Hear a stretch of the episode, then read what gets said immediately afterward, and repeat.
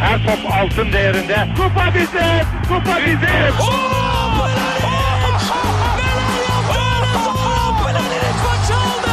Dengeli de attı. İsabetine buldu. Magna Fontervi. Zora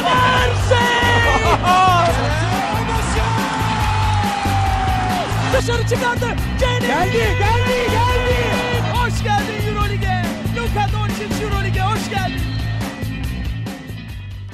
İkili Oyun'un 55. bölümüne hoş geldiniz. Ben Serkan Mutlu. Mikrofon diğer ucunda her zaman olduğu gibi Ali Aktin ve Tancan Fümen var. Selamlar beyler. Selamlar. Selamlar.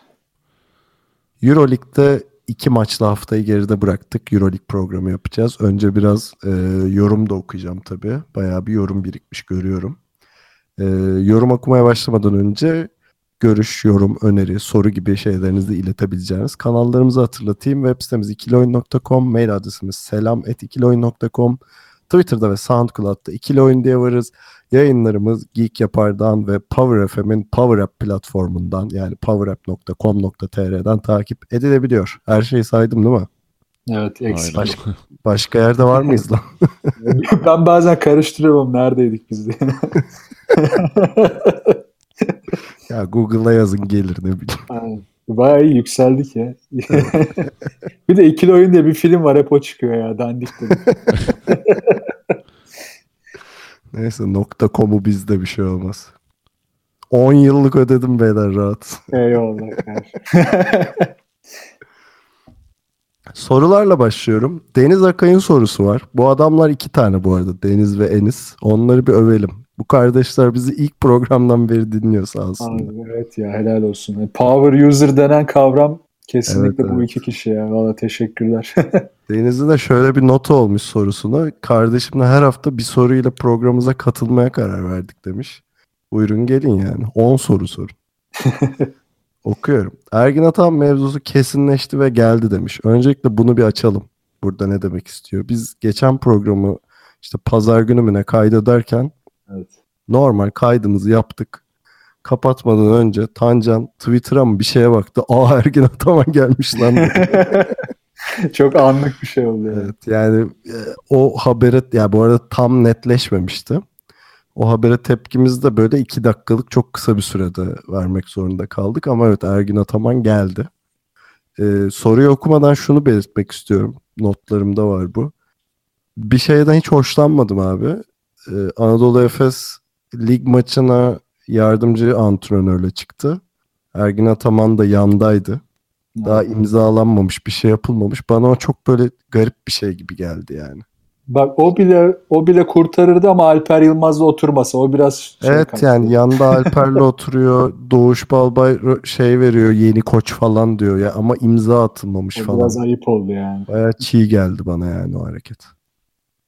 Ali'ye normal gelmiş. Abi yok daha dedikodu çıktı derken bir baktık adam maçta falan evet hiç hoş değildi yani. Peki Deniz demiş ki sizin beklentiniz nedir? Bir yerlere gelir mi takım? Erik McCollum'u daha önce kullandığı gibi mi kullanır? Efes bu sene Avrupa'da bir yerlere gelemez gibi görünüyor. Sizce Ergin Ataman da böyle düşünüp lige mi ağırlık verir? Yoksa burası Efes Avrupa'da sonuna kadar oynayıp son sıralarda yer mi kapmaya çalışır demiş Deniz.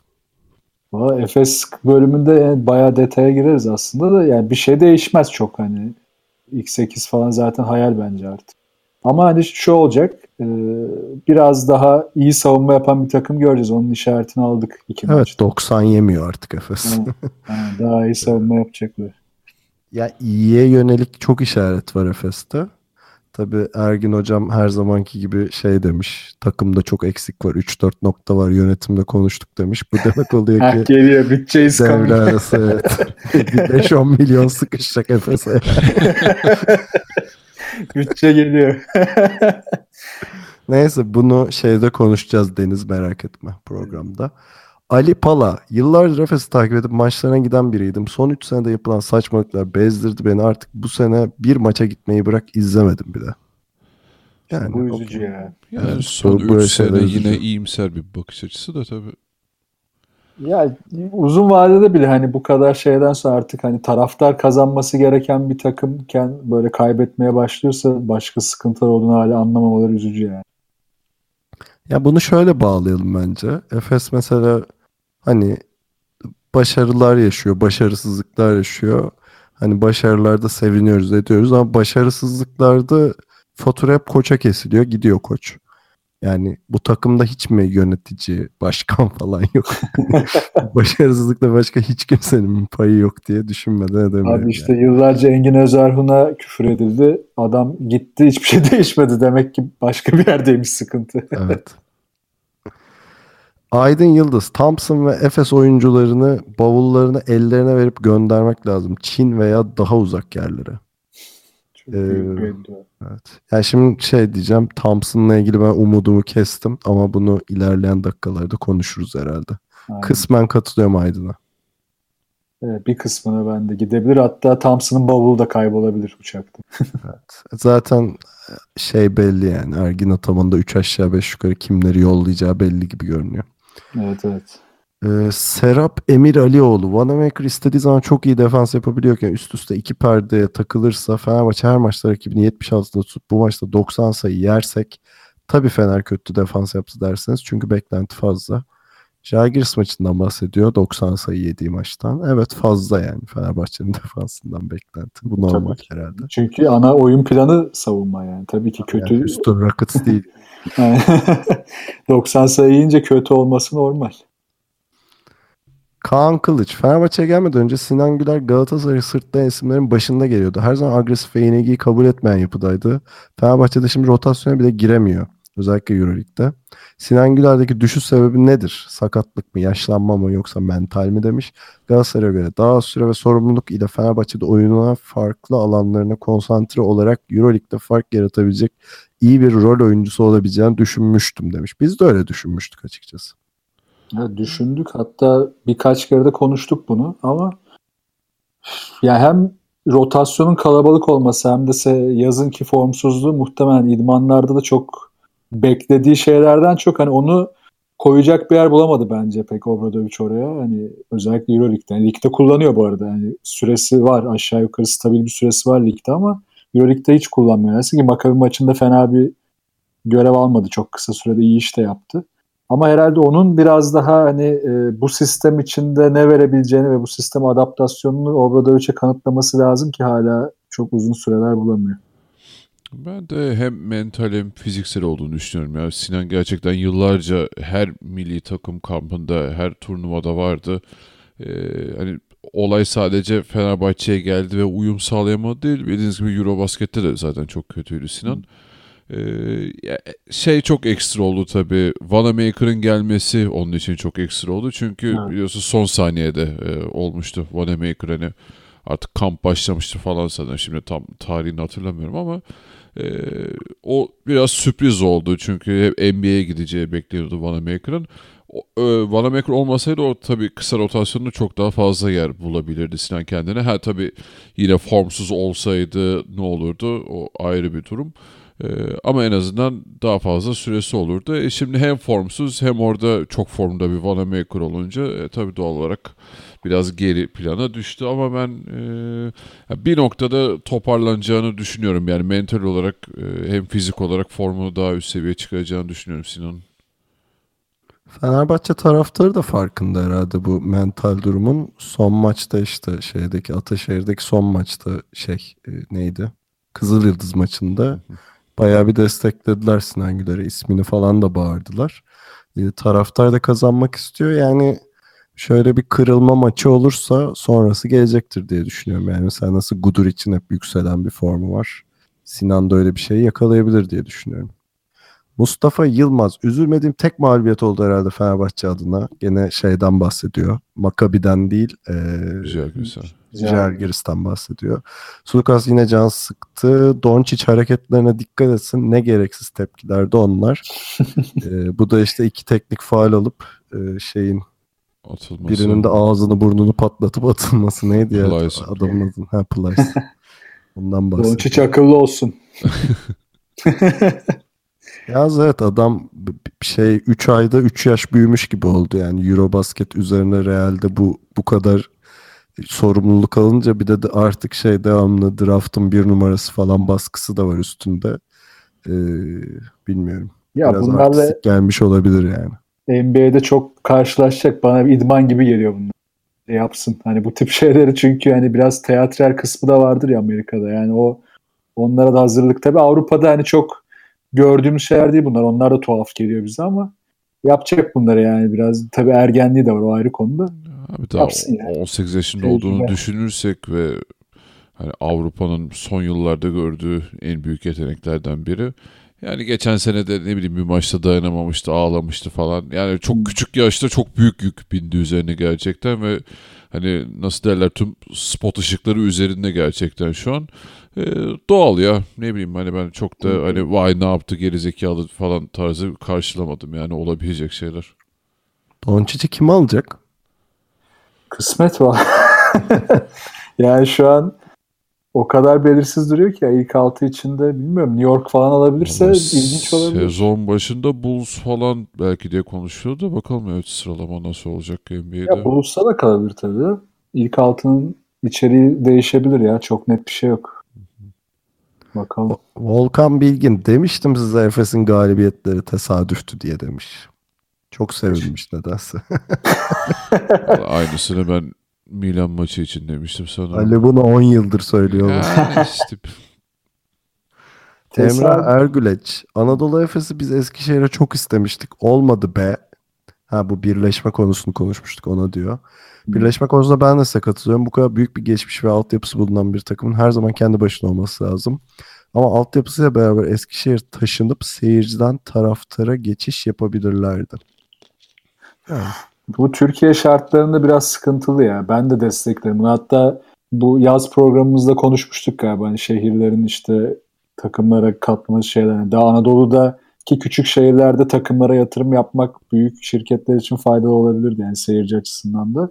Ama Efes'i taşımak evet kağıt üzerine çok mantıklı ama transfer yaparken bir oyuncuyu Eskişehir'e ya da işte ne bileyim İzmir'e, Urfa'ya götürmek çok kolay olmayabilir.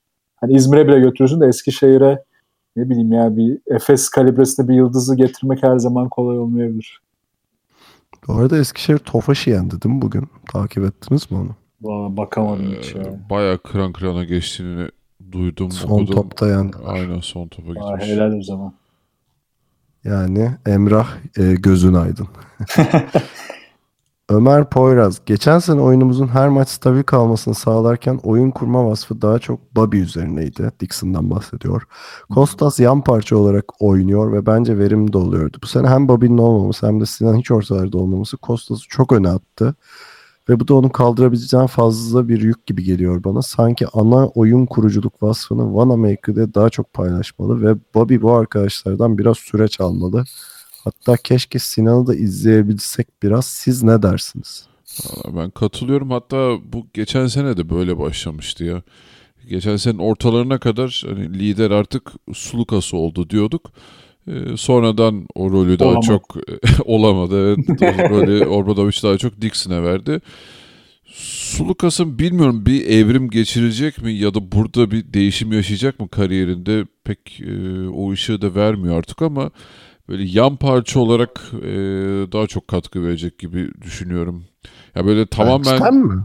hayır yani şey tamamen Rol karar olarak. mekanizması ve takımı sürüklediği takımı sürükleyen isim olunca Sulukas çok fazla saçmalamaya meyilli olabiliyor. Çokça örneğini gördüğümüz gibi. E, o rolden e, sıyırabilir tekrar Obradoviç geçen sene olduğu gibi. Sürek, sürükledi mi de sürüklüyor arkadaşım şimdi. Ha, Biraz ama bende işte şey- batırdığımda tam batırıyor öyle bir şey var ama. Ee, bu Yunanistan'da geçirdiği yaz o sistem ve orada içinde bulunduğu sistem biraz onun aklında karıştırdı. Şimdi orada topla çok oynayıp skor üretiyordu ve bunu iyi yapıyordu. Fenerbahçe'de şu Bogdan gittikten sonra hani Bogdan'ın durumu özeldi. Zaten oyun tıkanda yaratan bir adamdı. Şu anda bu kadro içinde topu elinde tutma lüksü olan ya da kredisi olan bence hiç oyuncu yok. Yani Sulukas bunu yapmaya çalışınca da işte sırıtıyor. Zaten o e, Zargiris maçı mıydı? İnanılmaz fazla top kullanıp çok yüzdesiz attı sanırım oydu. Yani o maçtan Evet, sonraki evet, iki Zargiris. maçı bu haftaki şimdi konuşacağımız maçlardaki top kullanma sayıları ortada. Yani belli ki bir konuşma geçmiş orada. E, o yüzden onu dengeleyip biraz daha işin topsuz ve hani zeka yönünü biraz da oyunu yönlendirme yönünü farklı kullanabilse topu elinde tutmadan yani bir şeyler olacak ama o sistemi yani Yunanistan'da oynadığı sistemle Fenerbahçe sistemi arasındaki adaptasyonu sağlayamadı henüz. Baran Yıldız, Fenerbahçe'de işler iyiye gitmiyor diye bir düşüncem ve hissim var. Daha dalgalı hissediyorum. Öncelikle evinde gerekli taraftar desteği olduğuna da şüphem var. Ee, yani katılmadığım bir görüş bu açıkçası. Yani geçen sene Fenerbahçe aynı yani ligi bu tarihte ligde daha kötü durumdaydı EuroLeague'de. Ne zaman düzelecek falan muhabbetleri evet. geçiyordu. Ki yani iki hafta öncesine kadar şampiyon gibi oynuyor falan diye yorumlarımı ki ya Kızıl Yıldız maçı şey dördüncü periyot tamamen garbage time'la geçti falan. Ee, katılmadığım bir görüş açıkçası. Ya bu biraz şey illüzyonu oluyor. Yani bu hissiyatı şöyle anlıyorum. Şimdi çok e, savunma üzerinden ilerleyen ve hani sanki o savunmayı yapamazsa hiçbir maçı kazanamayacakmış gibi bir algı var Fenerbahçe'nin üzerinde. Aslında öyle değil. Biraz Euroleague'in uzunluğundan da dolayı yani artık biraz daha sezon ortasına doğru bu yavaşlamaların olması normal. Geçen sene aslında yanlış olan geçen sene çok çok düşük başlayıp sonradan hani sonunda bir daha düşmüştü. Şimdi hani bu yavaşlama sezon sonuna doğru Fenerbahçe'yi daha iyi tutacak bir seviyeye getirebilir. Ama anlıyorum bir yandan da hani böyle bir hissiyat ama çok doğru değil. Biraz daha sabıra ihtiyaç var yani. Taraftarla ilgili de şöyle bir notum var. Ee, geçen sene bayağı bir maça gitmiştik. Bu sene yani lokasyonum değiştiği için izleyemiyorum. Hani ben de televizyonda izlerken böyle bir hissiyata kapıldım. Hani acaba taraftarda sıkıntı mı var falan diye sordum birkaç arkadaşa gidenlere. Ee, yo falan diyorlar. Yani gerçekten televizyondaki hissiyat biraz farklı galiba şeyden. Bizim yayın ses kalitemiz falan da çok kötü ya. NBA, NBA maçındaki tabii atmosferi kıyaslamıyorum da oradaki hissiyatı, salondaki hissiyatı alabiliyorsunuz yayın kalitesinden. Türkiye'de pek olmuyor. Ama taraftar da biraz maç seçiyor yani bu kez. Şimdi mesela haftaya şey Real Madrid maçı var. Kesinlikle çok daha tıklım tıklım ve böyle ateşli bir taraftar olacaktır tahminimce. Ya bu konuyu birkaç kere kendi aramızda konuşmuştuk da hani sezon başında biraz şey olmuş olabilir onu yadırgamam hani bir rehavette çökmüş olabilir yani o kadar da olsa yürürlük şampiyonu oldu takım. Öyle öyle. Bir de tabii şimdi kombineli bir taraftar sayısı da arttı. Devamlı gidince her zaman o yüksek tempodaki bir destek olmuyor. Maçın da biraz taraftarı havaya sokması gerekiyor bazen. Normal yani olur. Geç gelen olur, erken giden olur. Bunlar olacak yavaş yavaş. Bizim kültürümüz hala zayıf aslında basketbolda yani. Anladım. Kemparowski, Jasikevicius'un Obradovic'i taktik anlamda iyi analizi ve takım hazırlaması zaten Saraçlık takımlarında olmasını dört gözle bekleyen Pana veya Barcelona gibi takımların iştahlarını daha da açmaz mı? Seneye Saras'ı bu iki takımdan birinde görebilir miyiz? Ya kesinlikle Jalgiris'te olmayacak bence seneye. Yani iki takımdan ee, biri değil 10-15 takımdan birinde. Evet evet herkes kapışmaya çalışacak onu yani. Bana nedense Barcelona olacakmış gibi geliyor. Sito evet. Alonso'ya beyaz mendil sallamaya başladı zaten Barcelona taraftarı da. Ya geçen sene de zaten o dedikodular vardı da o biliyorsunuz yok iki sene head coachluk yapmış olması gerekiyor falan evet. gibi bir kural vardı İspanya'da. Kurala takılmış. aynen kurala takılmış gibiydi. Yani Maccabi falan da olabilir ama ben Barcelona'yı bir numaralı seçim olacak gibi düşünüyorum. Sadece hissiyatım bu yani. İlginç bir şey ekleyeyim pardon, mi buna? Pardon. Şey, e, CSK olabilir ha. ben bu sene de şampiyonluk gelmezse Etiodis'in devam etmeyeceğini biraz düşünüyorum.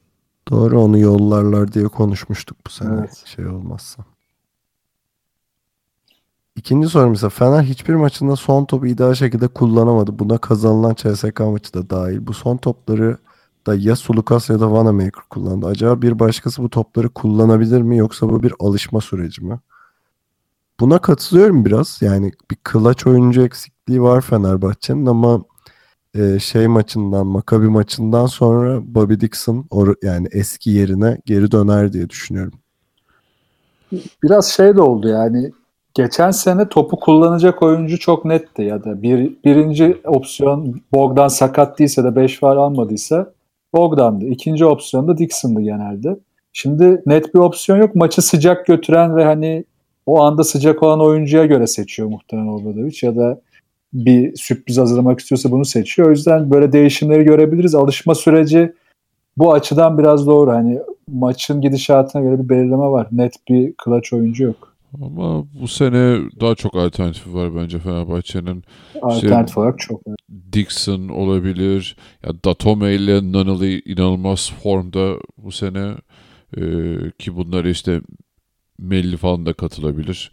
O CSK maçı mıydı o tipledi yani CSK'ydı falan. Evet. Ee, yani o tipti sonuçta hani at değildi ama e, yani alternatifin arttığını düşünüyorum ben Fenerbahçe'nin bu sene. Peki sorular bu kadardı. Bayağı bir soru birikmiş gördüğünüz gibi. Ee, dediğim gibi iki, iki maçlı bir haftayı geçmiştik. Maçların oynanma sırasına göre önce Fenerbahçe'yi sonra Efes'i konuşmamız gerekiyor. Yanılmıyorsam. Aynen. Kısa bir ara verip başlayalım.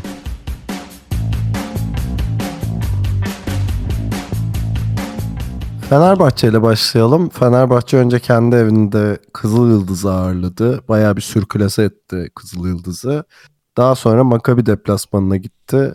Hani ben o maçtan önce tam Fener'in yenileceği maç diye düşünüyordum bu. Yani Maccabi Fener hep çok ters gelen bir takım oldu yani.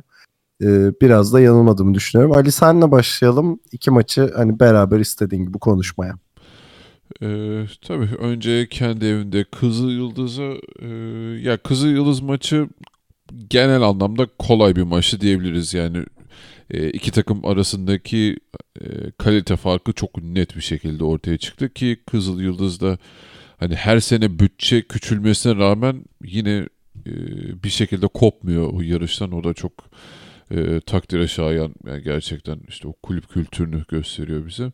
E, Alimpiyevic de çok iyi koç çıktı. Kaç ye- yaşında o? 41 yaşında mı? 31 ya. Yok ya. 31 mi? 31 ha. Konuştuk küçük. ya. Çocukmuş lan. Ha, süper oğlum adam hastasıyız. Antiç'ten 3 yaş falan küçük bildiğim kadarıyla.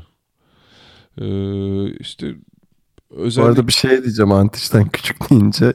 Maçta Alimpiyevic Antiç'e bir bağırır gibi oldu. Fenerler ne yapıyorsun ya falan diye. çok, Çok güzel, güzel bir andı. Datomen de sakalını okşadı ona. Ha. Çok güzel karşıladılar Antiç'i. Güzel oldu yani. Aynen. Ee, Fenerbahçe aslında Kızıl Yıldız'a karşı kötü de başlamıştı ama e, hem ilk çeyreğin hem ikinci çeyreğin son beşer dakikasını böyle hani vites arttırarak tam şey maçı oldu. Yani gerektiği kadar oynayalım maçı oldu Fenerbahçe için. Zaten üçüncü çeyrekte Fenerbahçe ağırlığı koyunca senin programın başında dediğin gibi dördüncü te- çeyrek tamamen formaliteden gitti. Ee, onun haricinde yani çok şey özel bir e, şey yoktu e, Kızıl Yıldız maçın. E, bunun üzerine tabii ikili oyun haftası yani ikili maç haftası yani Maccabi'ye oradan yolculuk yapmak hani Fenerbahçe'ye yaramadı diyeyim. Yani Kızıl Yıldız maçından sonra ben biraz şunu düşündüm. Hani Fenerbahçe bir noktada düşüş yaşamaya başlayacak. E, Özellikle fiziksel olarak hani yenileceğini falan e, tahmin ettim anlamında söylemiyorum ama e, Thompson'dan çok fazla verim alamıyor. İşte şey sakat e, kısa süreli olsa işte Ahmet Üverioğlu yok ortalıkta bir, bir süre. E, tüm uzun yükü Veseli'ye kalmış durumda ve gerçekten e, çok yüksek süreler alıyor. Sadece işte Kızılyıldız maçının sonlarında biraz dinlenebildi. E, Melli de çok fazla süre almaya başladı e, bu süreçte. Yani ve bu form bir, bir noktada düşmeye başlayacaktı fiziksel olarak. Ha oyuncular kötü oynamıyor yine Veseli süper oynuyor falan ama e, ya sezon boyunca gerçekten bu şekilde gidemez. Ve Thompson'ın bu performansı devam ederse bu iyice ne bir sorun haline gelecek ki hani bir anda da böyle 2-3 hafta sonra bambaşka bir Thompson izleyecek miyiz? Eh, O da çok şey e, ışık vermiyor açıkçası ki işte Maccabi maçında girer girmez daha doğrusu onunla başladı maçı 3 faal yapması gerçekten akıl alacak gibi de değildi ve yani bu Thompson'da şey olmaya başladı. Aynı Hatay Kızılyıldız maçında da yaptığı için çok büyük bir psikolojik e, ağırlık haline gelmeye başladı. Her her faal yaptığında bitiyor artık Thompson sahada. Zaten ikinci faalde mi, üçüncü faalde mi ne yere çöktü ellerini başının arasına alıp. Ee, ya olacak mı? Vallahi o şeyi iyice ne kaybetmeye başladı. Ben ben bütün ümidimi kaybettim abi Thompson'a dair. Devre arasında yollanmasının ideal olacağını düşünüyorum ve Şimdi onu soracak. Bir düşünüyorum transfer abi. gelir mi diye. e, yani gerekecek gibi bence. Çünkü abi Maccabi deplasmanında 1 dakika 18 saniyede 3 faal aldı. Ben ben bunu çok uzun zamandır görmediğim bir şey bu ya. Başka hiçbir şey yapmadan faal aldı. Böyle hani a- topu almış adama arkadan sarılıp falan faal oluyor bir de. Yani bu, bu kadar gerizekalı bir, bir hareket olamaz. Ve bence şu çok kritikti. Obradovic bir daha hiç düşünmedi onu yani. Hani e, bir de şey e, maçın böyle 12-13 sayıya geldiği anlar işte öyle anlarda bir de hiç böyle şey yapmadı. O ihtimal düşünmedi. Hani Melli ve şeyi Veseli'yi örselemek e, pahasına onu içeri sokmadı. Ben yani bunun çok net bir mesaj olduğunu düşünüyorum. Obradovic İşte tabii. o yüzden 35 dakika Veseli oynamak durumunda kaldı. Yani Obradovic de çok e, hani bildiğimiz kadarıyla böyle devre arasında işte Thompson'ı yollayıp üzerine yeni bir adam alacak koç da değil açıkçası. Yani böyle devre arası değişiklikleri çok sevmez Obradovic. E, hani katkı verecek bir adam alınabilir ama hani bu denli büyük bir değişim e, çok tercih ettiği durumlar olmuyor. Geçen sene de böyle Bennett alınmıştı işte. O Öyle ekstraydı ya. almıştı. O şey değildi. Hani birini yollayıp birini alma durumu değildi. Hani sadece o biraz Gerardini'nin e, işiydi. Önceden tanıdığı oyuncu olduğu için o bir getirildi. Hani Fenerbahçe'nin 4 numara eksiği olduğu için denendi. Olmadı gitti. O çok bir şey etkisi yoktu. Yani Thompson giderse ama bambaşka bir hikaye olacak. Ya bilmiyorum gerçekten öyle bir düşünceleri var mı yoksa hani Orada için takımlarında sürprizlere her zaman açık olmalısınız. Böyle hani playoff dönemi birden bambaşka bir adam gelir mi karşımıza diyeceğim ama zor gözüküyor. Derken bir de Maccabi maçında Kalinic sakatlandı. Tekrar 4 ile 6 hafta arasında olmayacak deniyor. Ya, uzun rotasyona iyicene sıkıntıya girmeye başladı Fenerbahçe'nin böyle. Ee, hani takımın fiziksel olarak düşüşe geçmesini beklediğimiz noktada işte ee, bir de böyle ekstra bir yük bindi Fenerbahçe'ye. Bu biraz e, endişe verici. Ha Fenerbahçe hemen oyunundan bir şey kaybedeceğini düşünmüyorum ama şu dönemde e, birkaç sürpriz mağlubiyet çıkabilir e, gibi duruyor Fenerbahçe'nin önüne. Valla ben bir tane ha pardon abi. Yok sana çevirecektim. Ha zaten. eyvallah. Bir tane rotasyon oyuncusu bence transfer edilebilir ya. Yani Kalinic'in sakatlığıyla beraber Thompson'ın formsuzluğu ki Thompson'ın formsuzluğu şöyle ben bir tane iddiam vardı. Hani çok güçsüz olduğunu söyledim sezon başında. Güçsüzlüğü hala devam ediyor ve devamlı e, bu güçsüzlüğüne ek olarak yanlış pozisyon almaya da devam ettiği için mesela faullerin çoğu oyuncuyu it- iterek yani başka verebileceği bir tepki kalmayınca itiyor. Ya bırak yiyelim sayıyı. Hani bu doğru bir şey değil. Mesela bu Fenerbahçe'nin rotasyonda bench'ten gelen oyuncularda şöyle bir sıkıntı var. Yani bunu özellikle Kızıl Yıldız maçında gördüm. Hani maç üzerine çok konuşacak bir şey yok. Zaten siz çoğunu söylediniz. Zaten kolay da bir maçtı. Tek gözüme Kendini tak gösterme şeyi oluyor değil mi girince? Aynen. Aynen öyle abi. Tam olarak onu söyleyeceğim. Gel, bench'ten gelen oyuncular sisteme adapte olmak yerine önce kendini göstermeye çalışıyor. Bu da Obradovic'in zaten sevmediği ve istemediği bir şey. Bir tek artıyı burada Maccabi maçında Sinan'da gördüm. Sinan daha sisteme uygun, önceliği savunmaya veren ve pozisyon ona geldiğinde oynamaya çalışan bir şekilde oynamaya çalıştı. O biraz anlamış artık olayı. Ya bu biraz e, işte Obradovic'in elini daraltıyor. Yani o yüzden bir rotasyon oyuncusu en azından katkı verecek, hızlı adapte olabilecek birini bulabilirlerse alırlar. Bulamazlarsa almazlar. Hani birini alalım diye almazlar. Tabii Fenerbahçe öyle çalışmıyor. Bu, bu bir sıkıntı özellikle Kalinic'in de sakatlığından sonra. Maccabi maçında da işte gördük yine sizin dediğiniz gibi. Yani Thompson'ın 2 dakika içinde 3 faulü inanılmazdı ya. Yani ve ikisi aptallık. Hadi birini İki bile değil ya. iki bile değil. 1.18 o kadar kötü. Aynen abi. Yani çok kötü ve şey faal ortalamasında 40 dakika ortalamada 8.11'de şu an 7.ymiş. Şimdi baktım da. Yani, o, yani ana rotasyon oyuncusu olacak potansiyelde biri için en yüksek sırada şu anda. Yani diğer oyuncuların çoğu hani daha böyle bench'ten gelen falan oyuncular diğer takımlar. Mesela Birkan var. Yani örnek olarak 10 faal ortalaması var onun. Yani bunu bunu bunu çözemeyecek bence Obradovic.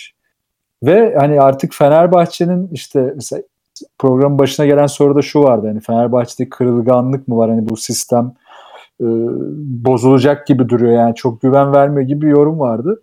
Şimdi şöyle Fenerbahçe Makabi maçındaki oyununa cevap vermek için aslında burada biraz da şey e, Sarunas'a kızmak lazım. Biraz o ışık vermiş Makabi'ye. Yani Fenerbahçe yenme e, fikri nasıl oluşur, nasıl bir taktik kazanır biraz o fikir verdi. Çünkü Fenerbahçe'ye karşı çok hızlı hareket etmeniz lazım ve özellikle şutlarını bozmanız onları savunmada bozmaya yol açıyor. Yani şöyle Fenerbahçe'nin bütün oyun planı aslında düzenli oynama üzerinden kurulduğu için şut yüzdeleri düşmeye başladığında ve rakibe rebound verip çok hızlı e, oynama şansı verdiğinde bütün savunması da çökmeye başlıyor. Bunu çok fazla yaptılar bu maçta.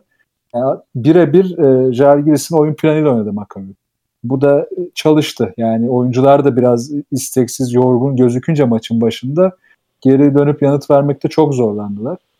Burada tek hoşuma giden Dixon oldu. Dixon özellikle hızlı düşünebilme yeteneğiyle pik oynamaya başladı ki yani bu Fenerbahçe'nin kaç maçtır özellikle Sulukas'ın çok az yapabildiği bir şey. Yani oyunun hiçbir noktasından pick and roll'u çok hızlı oynayamıyor. Yani baskı yediği anda sırtını dönüyor. Dixon'ın büyük artısı asla sırtını dönmüyor baskı geldiğinde. Bir şekilde o pası aktarabiliyor. Umarım Dixon bir önce form tutma süresini kısaltır. Fenerbahçe için çok önemli olacak. Bir de Melli artık çok kritik. Bu maçta da gösterdi. Yani o bile bu maçta biraz daha yüzleri soksaydı ya da oyun planlarında biraz daha onun üzerinden pas dağıtımı yapabilseydi Fenerbahçe yine bir şey olabilirdi. Ama evet o baştaki durgunluk maçın tamamına yayılınca olmadı bir türlü. Bir de tabii şey hani bu Makabi gibi çok atlet ve enerjik takımlar Fenerbahçe hep dert olacaktır bu kesin yani. Ee, Aynen öyle. Çünkü çok çok aşırı bir enerjiyle oynadılar. O enerjiden de çok fazla ikinci şans yakaladılar. Hani e, çok verdi Fener o ikinci şansları Makabi'ye. E, biraz da bunun da payı oldu tabii mağlubiyette. Bu tempoyu zaten düşürme şansları yok ki. Yani Fenerbahçe gibi bir takım yenmek istiyorsanız ya da CSK gibi işte Olympiakos da öyle yendi. Devamlı en iyisini oynamanız lazım. En yüksek oynamanız lazım. En tempolu oynamanız lazım. Hiç düşmedi adamlar. Yani ben hatta konuşuyorduk. Bence düşecekler dedim. Düşmediler helal olsun. Yani bu çok büyük bir motivasyon. Çok önemli bir şey. Yani böyle her zaman Fenerbahçe yenme şansları yok. Bunun da farkındalar. O yüzden hiç düşmemeye çalıştılar. İşte böyle maçlar aslında biraz şey one man show'a çevirmek lazım. Hani şöyle yani Fenerbahçe sistemini bozmadan oyunun kırılma anlarında topu işte mesela Sulukas bu anlarda topu elinde tutup skor üretebilse yine fayda olurdu. Hepsini kaçırdı ya da blok yedi. Yine olmadı. Yani oynaması gereken, topu elinde tutması gereken anda da başarısız oldu bu sefer.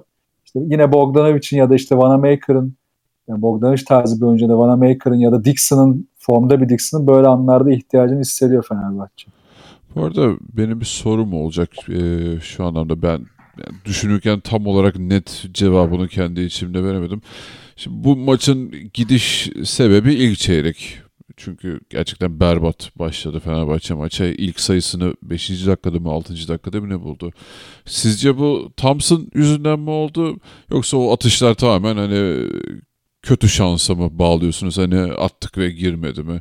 Yani Fenerbahçe bir oyun planıyla sahaya çıktı. İşte bir dakikada Thompson böyle sıçıp batırınca 3 faal aldı gitti ve Fenerbahçe o plan yani ilk planladığı şeyden tamamen koptuğu için mi böyle oldu? Yoksa az önce dediğim gibi hani şey tamamen kötü bir e, atış yüzdesinden mi kaynaklandı bu kötü başlangıç? E, bence şuydu abi, e, özellikle buna dikkat ettim. Dış üçlüsü Makabi'nin inanılmaz konsantre olmuş. Yani oyunu Fenerbahçe'nin başlattığı işte özellikle Vanamaker, Sulukas, Dixon işte e, diğer oyuna giren bütün kısa ya da forvetler top onlara geldiği anda hani sadece topa baskı değil bütün ikili sıkıştırma ve pas açılarını kapattılar. Yani üç kısa özellikle Michael Roll çok iyiydi. Ee, Cohen çok iyi oynadı. Pardon Cole çok iyi oynadı. Ee, o yüzden hani bu Pierre Jackson da öyle. Devamlı dış alandaki baskıyı yüksek tutunca Fenerbahçe o istediği düzende hücumları bulamamaya başladı ve hani şutlar hep baskı altında attı. Mesela Nanili'nin Nanili'ye gelen boş şut bayağı uzun süre sonra oldu yanlış hatırlamıyorsam. Yani boş şut çeyreğin sonunda falan ilk üçlüğünü attın. aynen çok uzun süre sonra geldi. Yani hiç boşluk vermediler. Bu olmayınca işte ilk bahsettiğim olaya göre Fenerbahçe hücumu dağınık yapmaya başladıkça çok fazla rebound verip ve bu reboundların bir kısmını da çemberden uzak vermeye başlıyor. O zaman da işte rakip çok hızlı gelip siz daha savunmaya oturamadan ilk şutu işte bir de Pierre Jackson gibi bir elinde hızlı adam olunca e, çembere de gidebiliyor çok hızlı bir şekilde ya da hemen çembere gittiğinde savunmanın ağırlık merkezini de bozabiliyor. O zaman da bütün düzen bozuluyor. Aslında evet, dediğin doğru Fenerbahçe'nin ilk çeyreğinde bu düzen bozulduğu için böyle oldu ama bu düzeni bozan sistemi de 4 çeyrek boyunca çalıştırdı Makabi. O yüzden de hani pek cevap veremedi buna Fenerbahçe ve cevap şansı da çok yoktu.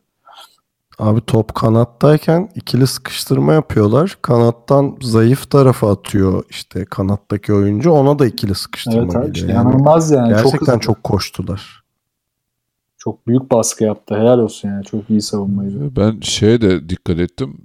Fenerbahçe maça işte otomatik 3 faulle başladı. Çeyreğin ortasında Makabi'nin 5 faali de olmuştu.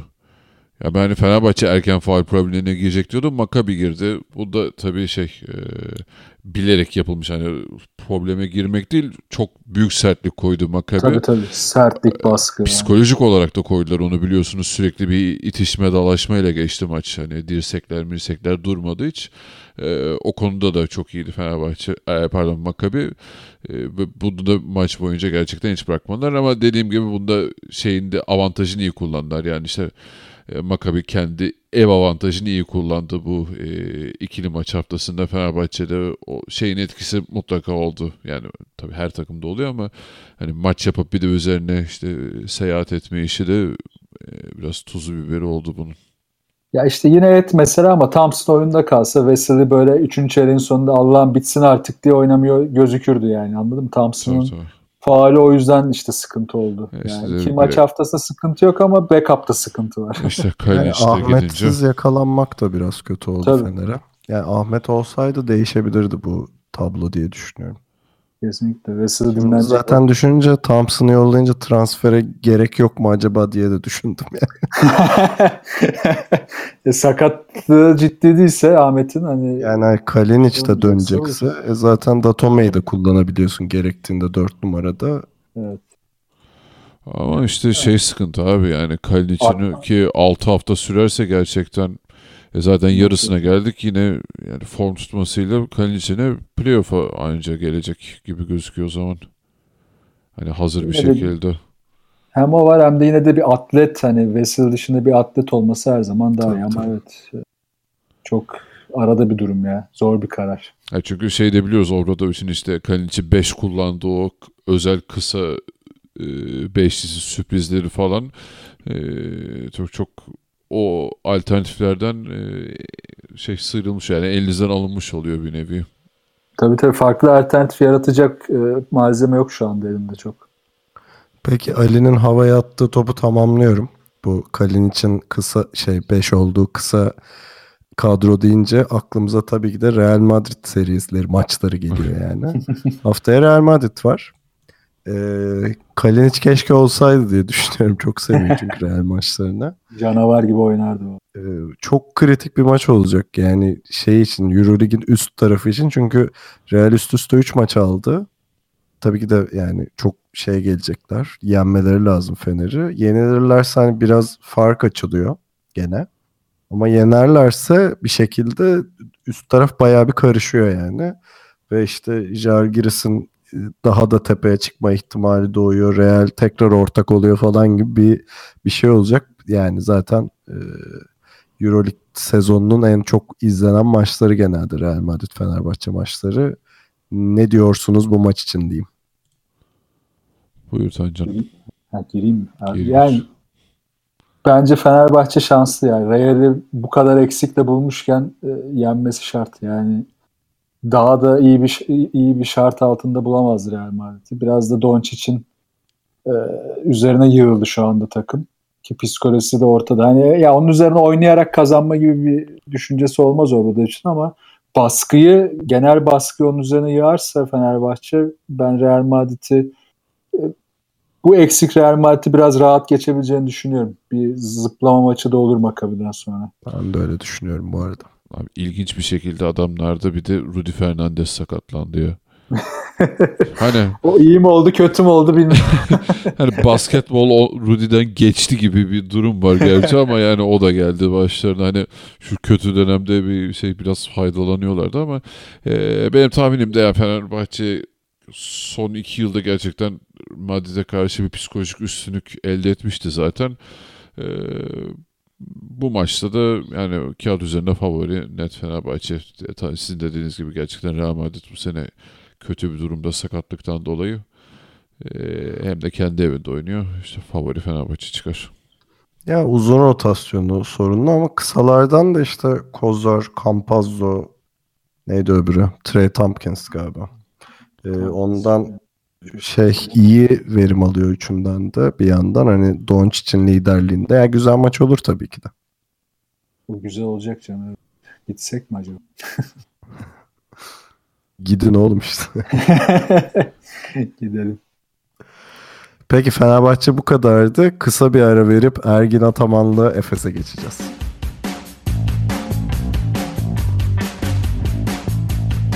Anadolu Efes'e geçiyoruz. Tabii ki de Anadolu Efes'e geçtiğimizde konuşacağımız ana konu Ergin Ataman'la beraber değişen şeyler olacak herhalde. İki maçta da yani yenilmesine rağmen diyeyim çok iyi ışık verdiği anlar vardı. Yani Kimki maçında 3 periyot bu. Ee, ama Olympiakos maçının tamamına yayılan bir umut ışığı vardı Efes'te herhalde. Tancan da bundan bahsedecektir diye düşünüyorum. Tancan? Tabii tabii. Ben Ergin Ataman'ı da değişmiş buldum ya. Yani bu Amerika turu biraz böyle kafasında bir şeyleri değiştirmiş. Hoşuma gitti aslında. Yani Steve Geçen sene- taktik almış. almış almış. Ben Ya şunu şey- söyleyeceğim abi. Olympiakos maçında izlediğim Ergin Ataman en konsantre Ergin Atamanlardan biriydi yani hani evet bu evet. Ga- Galatasaray'daki son döneminden bahsediyorum yani.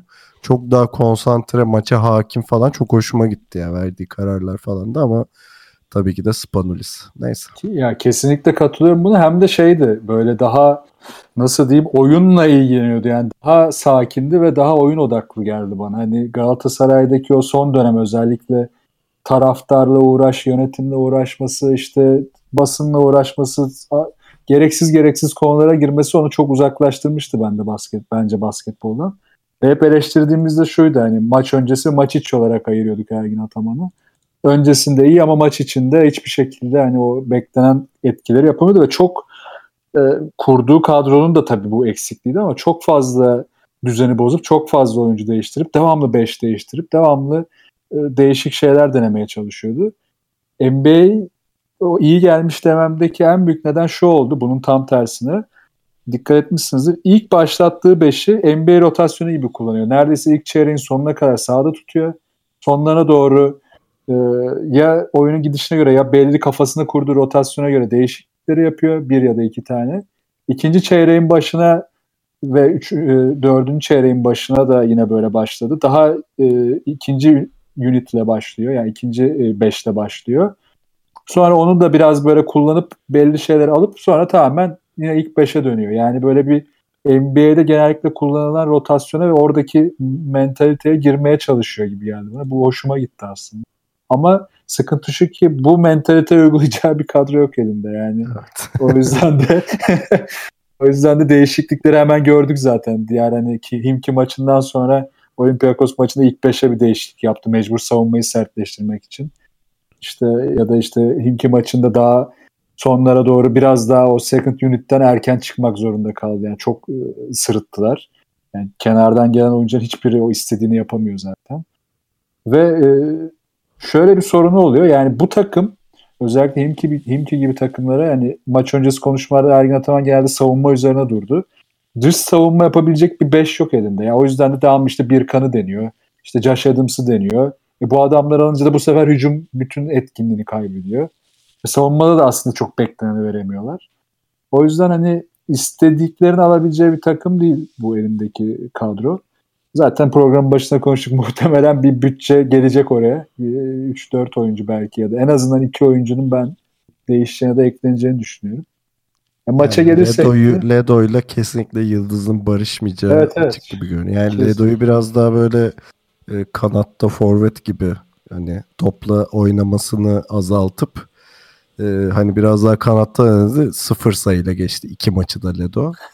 ee, ve yani orada McCollum varken de Ledo'ya o sorumluluğu vermeyeceği çok net bence. O yüzden yani çok Ergin Atamanlık bir adam değil zaten şu anda. Kesinlikle. O hataya da düşmez inşallah. Yani zaten bence kafamda benim Lido ile şey Josh Adams var. Hani muhtemelen ikisini yollayacak gibi geliyor bana. E, Motum'a da bence çok dayanamayabilir gibi geliyor. Ya Motum'u bence istiyor kullanmak. Motum'a özellikle Olympiakos maçı görev yani öncesinde o ritme girecek bir süre almadı ya da o formu da tutturamadı. Bence ona biraz daha katlanır ama dediğinde bir yandan da ne kadar katlanır yine o da takımın gidişine bağlı. Yani en kötü bu sezonu bitirse bile seneye kalmayabilir. Tancan sözünü kesip durdum ama şunu sokmam lazım oraya. Sokar. Kim ki Moskova maçında şöyle bir 5 vardı sahada. Josh Adams, Ledo, Birkan, Motum, Ştimaç. Ben gerçekten bu kadar kötü görmemiştim.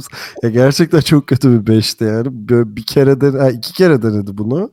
Ve gerçekten çok zayıf bir beşti. Bir daha şey yapmadı ama Aynen, var, işte Dunstan ve işte maçı beraber kullanmaması, Dunstan'ın gücünden çok daha fazla yararlanması, yani McCollum'dan zaten hani potansiyelini ortaya çıkaracak şekilde yararlanması falan gibi güzel şeyler de vardır. Bunlardan konuşacağız diye umuyorum. Tabii tabii. Topu özellikle Simon'un eline vermesi de çok iyiydi yani. Genelde Simon'da kalmasını istiyor belli ki. Ki zaten işte ısrar ediyorduk ya topu onun dışında yönlendirebilecek ya da işte oyunu topu yönlendirebilecek, oyunu kurabilecek başka bir oyuncu yok kadroda. Yani Brown da hani böyle bir özellikle olmadı 3 yıldır. Evet bekliyoruz ama yani zaten sakatlıktan geldi şimdi. Yine olma şansı düşük. E Josh Adams'ta zaten böyle bir yetenek yok. Yani o yüzden hani e, dediklerin doğru üstüne de e, verdiği görevleri netleştirmeye çalışıyor. Yine hep konuşuyorduk yani ya kimsenin rolü belli değil bu takımda. Kimsenin görevi belli değil. Hani belli olduğu maçlar zaten hemen fark ediyordu sonra yine kaybediyordu bu takım. O maça göre şekillenmeye çalışıyor. Yani böyle jöre gibiydi. Her maçta şekil almaya çalışıyor yeniden. O sabitliği bence dediğim gibi Ergin Ataman verebilecek durumda. Bunun üzerine çalışmış, kafa yormuş belli ki. Ve hücum sabrı artmış Anadolu Efes'in. Ben bunu beğendim bir de. Yani o e, al atlar işte aman dur bana geldi ben kullanayım pek e, sistemi sallamayımlar bitmiş. Biraz sab- sabır gelmeye başlamış. Hani Himki gibi takıma karşı bile özellikle hani Olympiakos maçına da geleceğiz de orada da vardı aynı sabır. Bu hoşuma gitti. Bu önemli bir konu. Bir de hani e, elindeki malzemeden bahsettik hani bunun yetersizliğinden. Şimdi tabii kafasında bazı oyunculardan almak istedikleriyle onların verdikleri tabii örtüşmüyoruz. Mesela bence Dragic'ten savunmada çok fazla şey bekleyecek ki bunu da gördük biraz. Ama işte ona o savunmaya yüklendikçe bu, onun rotasyonu yok. Yani Dragic'i tamam kullan ilk 5'te 30 dakika kullanamazsın. Yani o tempoda savunmayı kaldıramayacak. Onun rotasyonuna da bir oyuncu düşünebilir. Yani Birkan'la olmuyor bu. Birkan'ı deniyor ama olmuyor maalesef. O açıdan savunmaya oturtmak için önemli bir karar olacak. Bir de şunu ekleyeceğim abi iki maçında. Çok canımı sıktı. Hanikat'ı hiç özlememişim ya. İyi ki gitmiş. Kıl herif ya. Yine kaldırıp kaldırıp attı var ya. Barsokas olsam kafasına vururdum. ben bir de e, bedlik amirimiz Ali'ye çevirmeden şeyi ekleyeceğim. e, yani şey kim ki maçında en az 86 sayının şeyi yok yani biraz aldatıcı bir sayı o çünkü maç bitti hala atıyordu kim yani böyle bir şey olamaz. Gerçekten böyle bir üçlük yüzdesi olamaz yani. Yerde 9 metreden 10 metreden falan attılar yani. Çok feci ya. 35'te 17 nedir abi? %50 ile. Evet. Bir de bu seviyede ya. ha bir de Şivet falan delirdi yani o da var. Ee, ha bir de şey sadece Monya. Abi adam gerçekten 9,5 metreden falan attı ya. Bir de önü de boş yani. Hiç böyle drive etme gereği duymadan falan attı. Acımadan attı. Evet. Neyse Ali buyur abi. Abi Ergin Ataman mı bu sezon bitmez önce. şaka şaka. Ergin balonu patlıyor. Yok e, Tancan zaten durumu güzel özetledi. E, benim şunları e, yani kendi notlarımı eklemem gerekirse yani mesela şeyden çıkmasına çok sevindim ben özellikle e, Ledo falan hani onların sürelerinin azalması çok olumlu bu bence sezon başından beri hani hepimizin ist- oynamasını istediği e, sisteme döndü e, Ergin Ataman'la beraber Efes ve hani Tancan az önce şey demiş hani e, hücum sabrı arttı Efes'in falan. Bence zaten oyuncular bunu bekliyordu ve alışkın oldukları sistem buydu. O yüzden e, o geçişi biraz daha rahat yaşadılar. E, çünkü çok e, absürt bir şey deniyordu Perosovic bir yandan. Hani McCollum'la Ledo aynı anda sürekli bir o atıyor bir atıyor. İşte pot altında e, şeyle Stimaç'la Dunstan beraber oynamaya çalışıyor falan. E, şimdi daha bir işte hani kanatlı sisteme dönünce Efes e, bence hani oyuncuların bunu adaptasyonu çok da zor olmayacak. E, tabii mesela şu var. E, Perasovic'in sisteminde Stimac çok parlamıştı. Ama şeyin sisteminde, Ergin Ataman'ın sisteminde asıl yıldız Dunstan olacak bence. Ki hem savunmada hem hücumda e, yani özellikle kendi kişisel istatistikleri hemen e, üste çıkmaya başladı. Çünkü daha zorlama bir roldeydi e, Perasovic'in sisteminde. E, işte Birkan yani tabii şey yine Tancan söylemişti bunu ama gerçekten e, Ergin Ataman'ın da şeyi kısıtlı. Yani elindeki malzeme çok kısıtlı. Sezon başında zaten yani 15 hafta bunu konuştuk yani bu kadro yapısı çok hatalı bu gitmez diye.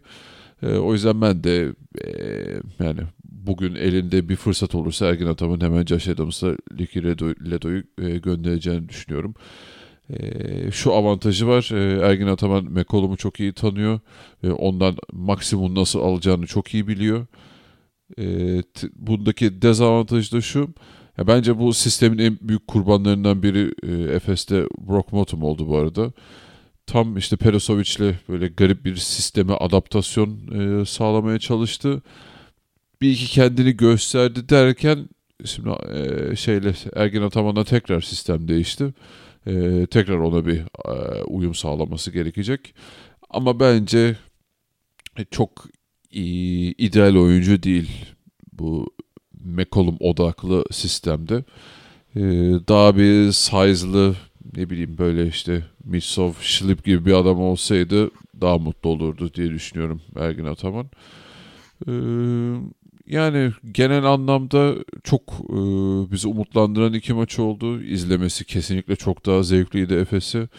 Ama işte e, özellikle yani Olympiakos'u da kötü bir döneminde, ya kötü bir gününde yakalamışlar diyeyim ama işte Spanoulis sağına vurunca çok da yapacak bir şey kalmıyor yani. Abi Olympiakos maçında gerçekten çok üzüldüm ya. Yani Ergin de çok istedi maçı. Çok o sağ kenarındaki şeyi çok yüksekti enerjisi falan ama ya gerçekten Spanulis yani ve şeye baktım aramızdaki mesajlaşmalara. Evet bu arada maç oynanırken arada mesajlaşıyoruz. ee, yani şey yazmışım yani maalesef maç son topa kalıyor ve karşı takımda Spanulis var ve gerçekten öyle oldu yani. Span basketbol Spanulis'in topu sağına vurup soktuğu bir oyundu. Ya bir de adam gerçek şey İsmail Şenol'un şey var sağına vurdu dedi. yani zaten 15 yıldır sağına vuruyor herif topu. yani git müze açar herif mağdur ettiği takımlardan yani. Başına da CSK'yı koyarsın zaten. Evet ya. ee, maalesef yani. Ve o şuta kadar da Efes o bütün işte show up'ları, pick and roll'daki show sıkıştırmaları, help and recover'ları falan çok iyi yapıyordu.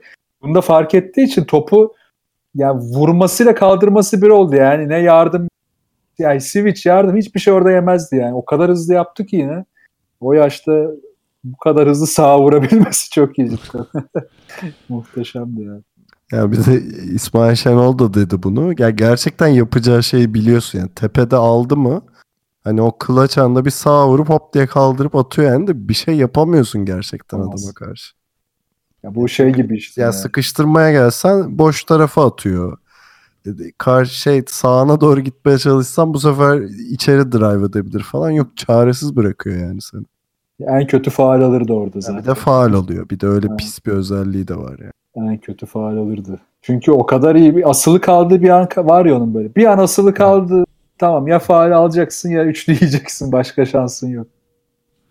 Yani bir şey çözüm üretemezdi Ergin. Ama maçın genelinde hani biraz maça girersem e, Efes odağı yine bu maçta savunmaya koyup işte dediğim o bütün e, pick and roll savunmalarını yardım yardım yapıp geri dönmeleri falan muhteşem yaptılar. Özellikle bu kadar kısa süre için muhteşem. Hani evet %100 bunu her seferinde başarılı yapamıyorlar ama bu kadar kısa sürede bunları uygulatabilme olması büyük başarı.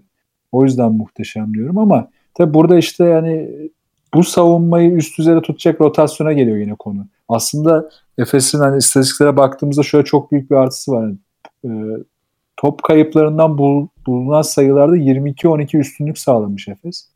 Bu çok büyük bir başarı. Özellikle Olympiakos'a karşı. Olympiakos gibi iyi savunma yapan takıma karşı onun silahıyla saldırmışız gibi bir hava olmuş. Ama hani burada ne eksikti? Yine dış şut. Yani dış şutu sokamayınca bütün kırılmaları kaçırıyorsunuz. Yani oyunu kırılma, kırılma anlarının çoğu gelmiş Efes'e ama hiçbirini başarıyla sonuçlandıramadılar. Özel, hatta son topta da vardı bu. Orada Sfaropoulos riski aldı yani ve boş şutu da buldu bakalım ama olmadı. Bir de şeye ekleyeceğim abi hani e, McLean'le helal olsun iki maç inanılmaz değerli oynadı ya Olympiakos'ta. Ona bir parantez açalım yani. Evet. Peki Efes'te böyleydi. Haftaya Brose ile oynayacaklar. Hani çıkış maçları olur diye umalım. Ya ben üzüldüm derken onu söyledim. Hani Olympiakos'u yenmek çok büyük bir paye ya. Yani çok acayip bir moral olacaktı Efes için. Yani biraz boynu bükük kaldı ama mutlaka iyiye gidiş var onu görüyoruz. Bakalım gelecek nasıl olacak diye bitireyim ben.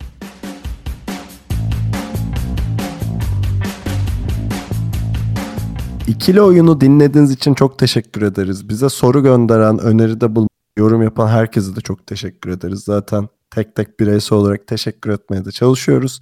Soru demişken yani her türlü soru, görüş, öneri ve yorumu iletebileceğiniz kanallarımızı hatırlatayım. Web site adresimiz ikilioyun.com, mail adresimiz selam.ikilioyun.com, SoundCloud'da ve Twitter'da ikili oyun diye varız. Yayınlarımız Geek Yapar'dan ve Power FM'in Power App platformundan takip edilebiliyor diyeyim.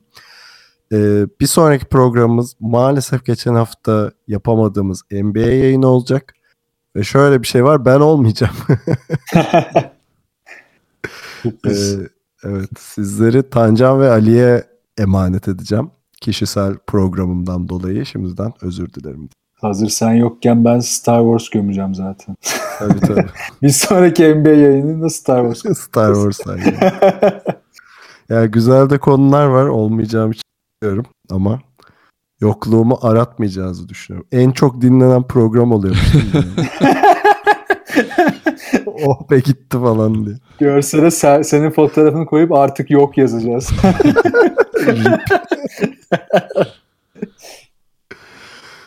Peki tekrar görüşmek üzere diyelim. NBA yayınımız herhalde çarşamba günü karşınızda olacak. Tekrar görüşene kadar kendinize iyi bakın ve hoşçakalın. Hoşçakalın. Görüşmek üzere.